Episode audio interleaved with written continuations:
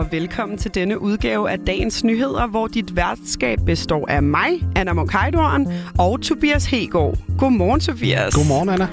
Vil du ikke uh, præsentere menuen for i dag? Jo da, der har, den har lidt et nordisk tema, kan man sige, for vi starter med at se lidt nærmere på Nordisk Råd, som holder møde over de kommende par dage, hvor temaet det er cybersikkerhed. Og så er det skæbne dag for den svenske statsminister Stefan Löfven, der enten skal gå af eller udskrive valg i dag.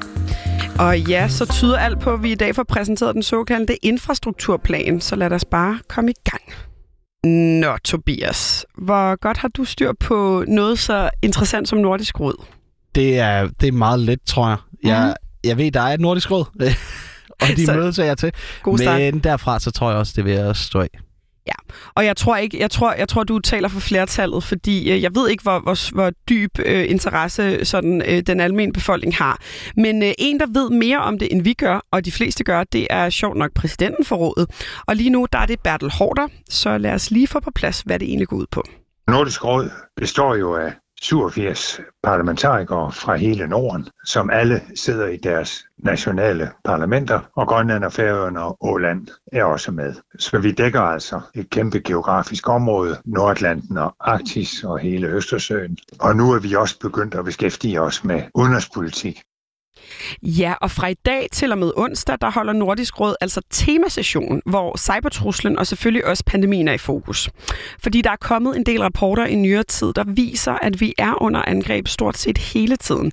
Nogle angreb selvfølgelig øh, lidt voldsommere end andre, og for dig og mig, Tobias, der er det jo sådan mest de der phishing-mails. Phishing. Phishing. Phishing. Phishing. Der prøver at få os til at klikke, øh, så de kan få noget information ud af os. Kender du godt dem? Dem, dem kender jeg godt til. Altså, er det både sådan noget, øh, her kan du købe Viagra, eller er det mest sådan noget nem idé? Øh, begge dele. ja, godt nok. Så er det ikke bare mig, der får den da. Nej. Øh, men det foregår jo også i ret stor skala, fordi hvis du for eksempel har en milliardvirksomhed, så kan der altså være en stor gevinst at hente, og det kan koste samfundet en hel masse penge. Øhm, og det har man altså oplevet eksempler på allerede, forklarer Bertel Hårder. Når der pludselig er en virksomhed, der bryder sammen, som for eksempel Mærsk, som det kostede flere milliarder kroner at få repareret. Altså når vi ser disse voldsomme angreb, og der kommer nogen hele tiden, så kan man ikke lade være med at tænke på, jamen hvad nu hvis fremtidens krigsførelse simpelthen består i at sætte hinanden ud af spillet ved hjælp af cyberangreb. Og når man ser, hvad angreb der kan gennemføres, så bliver man altså bekymret for, hvad det næste bliver. Og det handler hele denne temasession om, og vi er velforberedte, fordi vi har fået en tidligere islandsk minister, Bjarnason, til at skrive en rapport om cybersikkerhed. Ja, men det er altså ikke kun, øh, det er ikke kun hacker og lignende, der er en udfordring lige nu for Nordisk Råd. Faktisk har vi også lige et par interne anlægner, der skal lidt styr på. Øh, har du et bud på, hvad det kunne være, Tobias? Altså nu handler Nordisk Råd jo om øh, Norden og Arktis, så må ikke der er et eller andet derop. Men ellers så, ja, jeg kan ikke helt præcis sige, hvad der er. Nej, men øh, det er et rigtig godt bud. Øh, det er, skal faktisk handle om grænselukninger i forbindelse Okay. med corona.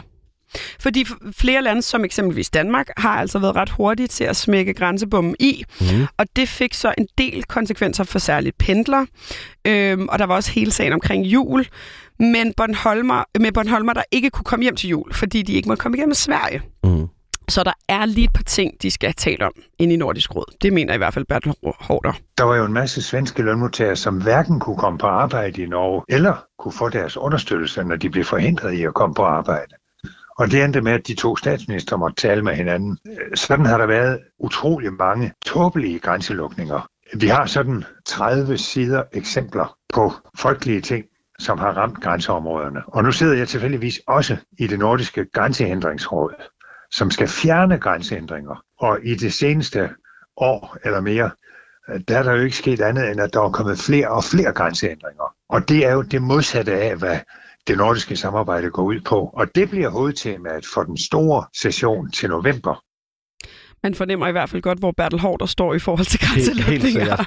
øhm, og hvis vi bliver lidt ved det, et- det der skal komme, øh, ske de kommende dage, så er det muligt at følge med, hvis du Mhm. interesserer dig for spørgsmålet om cybersikkerhed. Og øh, det, der nu ellers skal tales om ved den her temasession. Jeg synes forhandlingen øh, med Bjarnason om cybersikkerhed, den er absolut værd at overvære. Og man går jo bare ind og googler Nordisk Råd, så kommer hele temasessionen, og så kan man se, hvornår det ene og det andet foregår, og så kan man komme ind og lytte med, fordi ligesom Folketinget, så er det et åbent parlament. Apropos parlamenter, som øh, Bertel lige er inde på her, Anna, så skal det også handle lidt om det svenske, det der hedder Rigsdagen. For sidste mandag, der blev den svenske statsminister Stefan Löfven væltet ved en mistillidsafstemning i Rigsdagen, da 181 medlemmer stemte for at vælte ham, og kun 109 stemte imod. Og det betyder så, at det er i dag, der er deadline for Stefan Löfven til enten at gå af eller skulle udskrive et nyt ekstravalg. Mm. Og det er altså en ret enestående situation i svensk politik, det forklarer Lars Hovbakke Sørensen. Han er lektor og Ph.D. ved Professionshøjskolen Absalon, så er en historiker og forfatter. Det er en meget speciel situation, vi har i svensk politik lige nu. Det er sådan, at statsministeren for første gang nogensinde i svensk øh, parlamentarisk historie er blevet væltet ved en mistillidsafstemning i rigsdagen. Og derfor så har vi sådan en øh, flydende situation, hvor man ikke rigtig ved, om han vil udskrive et ekstra valg, som de kalder det i Sverige, eller om han vil øh, forsøge at danne en, en ny regering, eller øh, overlade det til andre partier og forsøge at danne en ny regering. Og Anna, vil du kunne forklare, hvordan det politiske landskab i Sverige det ser ud lige nu? Ja tak, Tobias. Det vil jeg kunne, fordi jeg har godt haft på fornemmelsen, du vil tage det her spørgsmål med. Og jeg er ikke født i går, så jeg har da forberedt mig lidt. øhm, det er jo sådan, at... Øh, okay, korte træk. Jeg kan ikke huske alle partiernes navne, men, men det vilde er jo, at den her mistillidsafstemning, det kom af, at der både var nogen på den yderste venstrefløj og yderste højrefløj, der sammen mm. sørget for, at, at, øh, at der kom en mistillidsafstemning. Og nu, problemet er lidt, at Sverigedemokraterne, som er vores DF, dem er der ikke rigtig nogen, der vil lege med. Nej. Fordi hvis de ville det, så ville det være meget nemt, så ville der komme en borgerlig regering. Men de er så super racistiske, synes svenskerne, øh, også i parlamentet, at det, det tør de ikke. Nej, det, var, øh, det tror jeg var en meget god opsummering af det hele. Ja, det havde du ikke lige øh, regnet med, Tobias. Nej, den havde jeg ikke. Jeg. Stefan Löfven, han er jo socialdemokrat, og det er sådan let at forholde sig til. Så har de altså en del partier, der også minder om det, vi kender hjemme, som du siger. Øh, og så er der, øh, så synes jeg lige, vi skal Lars Hovbakke sætte lidt ord på, øh, hvordan situationen egentlig er. Han kommer også lidt ind på det med højrefløjen her. Yes.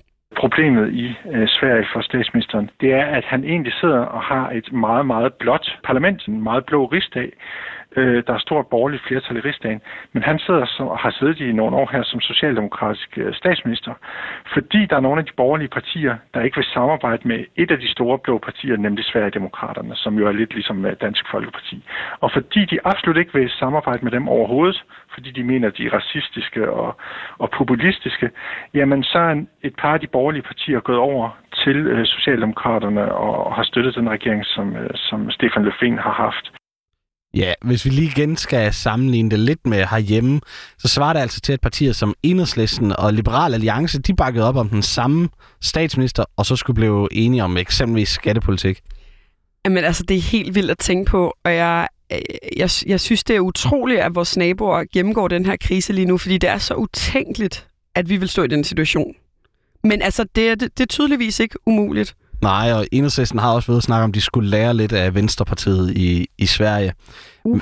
Så det kan være, at vi ser noget igen. Men det er altså heller ikke helt nemt med den her øh, store, øh, store regering, eller store opbakning. For det er heller ikke, øh, for det er ligesom roden til det her mistillidsvotum. For Løfven, han gik en aftale med liberale partier, som støtter ham om at fjerne loftet på husleje, men det blev deres støtte på venstrefløjen så ret sur over. You can't please them all. Og derfor så gik de faktisk sammen med alle de andre øh, partier øh, i rigsdagen, dem der ikke støtter øh, Løfven normalt, alle de blå partier, inklusive Sverigedemokraterne, øh, og stemt for den øh, mistillidsdagsorden, øh, som øh, Sverigedemokraterne havde stillet til statsministeren. Ja, det minder jo lidt om en god politisk drama, det her. Var det noget, du ville tænde for, hvis vi, hvis vi skulle se ind i biografen en dag? Jeg siger ikke, min mand og jeg har set Borgen tre gange. Øhm, men, men det har vi. Men det har rigsdagen ville I være klar til at se også. altså, jeg elsker politiske dramaer. Ja. Fordi der er så meget... Jamen, øh, jeg ved det ikke. Birgitte Nyborg, hun er bare fantastisk. Altså, powerkvinde, men, men også den der skrøbelighed, der ikke rigtig kommer frem. Jeg vil så meget tænde for det. Ja, og hvis vi lige tænker, at det blev en dramaserie, så kommer næste afsnit altså i dag. Men det er altså ret svært at spå om, hvad Løfven han vælger at gøre. Lars Hovbakke Sørensen er dog overbevist om, at statsministeren han har brugt den seneste uges tid fornuftigt. Det er meget svært at sige præcis, hvad han vil vælge. Han øh, er jo en meget dreven politiker, og jeg forestiller mig, at han i løbet af den seneste lille uges tid, siden han blev væltet, at han der har indgået i nogle for hemmelige forhandlinger med blandt andet øh, Centerpartiet og Venstrepartiet, som øh, stadigvæk helst ser, at han øh, egentlig bliver som statsminister. Så han vil nok prøve at forlade en eller anden konstellation, hvor han, øh, hvor han kan, kan fortsætte og helst øh, undgå det her ekstra valg. Ja, det bliver spændende at følge med, og det kommer vi i hvert fald helt sikkert til. Det er helt sikkert, og øh, spændende at se, om, om de kan samarbejde på kryds og tværs. Det kunne vi lære noget af. Og nu skal vi så til en nyhed, Tobias, som vi faktisk ikke ved så meget om endnu. Mm. Øhm, men det gør vi til gengæld her kl. 10, fordi øh, der udkommer den officielt. Men jeg kan da fortælle, hvad det handler om inden. Fordi alt tyder på, at regeringen vil præsentere en bred aftale om en ny infrastrukturplan. Den såkaldte infrastrukturplan 2035. Øh, og søndag aften i går, der har finansminister Nikolaj Vammen indkaldt til et pressemøde om aftalen, fordi Folketingets partier har brugt weekend på at forhandle en ny aftale om fremtidens infrastruktur på plads. Og hvis vi ser på, hvad regeringen præsenterede i foråret, så var der tale om initiativer til samlet set 160 milliarder kroner. Øh, og særligt markant i det her udspil, der var en række udvidelser af landets motorveje. Hvad synes du om det, Tobias? Du er jo fra, undskyld, jeg siger det, men motorvejs øh, Central Jylland. ja, Her- Herning er jo øh, den det eneste sted i landet, hvor der skulle være motorvej hele vejen rundt om byen, hvor jeg kommer fra. Så det er da lidt sjovt. Mm. Men ellers så kunne der måske komme lidt øh, op omkring Odense for udvidet derop, når man skal fra Svendborg mod København eller Jylland. Helt enig. Øhm, og jeg synes, det er spændende, fordi jeg er jo Køben, born and bred københavner, og det var først, da jeg fik min svigerfamilie i Tyberøn, øh, som er primært fiskere, og de tager også ind til landet og sådan noget, at jeg virkelig fik respekt for det her med, at der skal være ordentlig infrastruktur og motorvej. Altså, der, er, fordi, der er meget langt i Jylland. Øh, der er super, super langt i Jylland, ved jeg nu, efter otte år i Aarhus, og ikke bare sådan, cyklisme.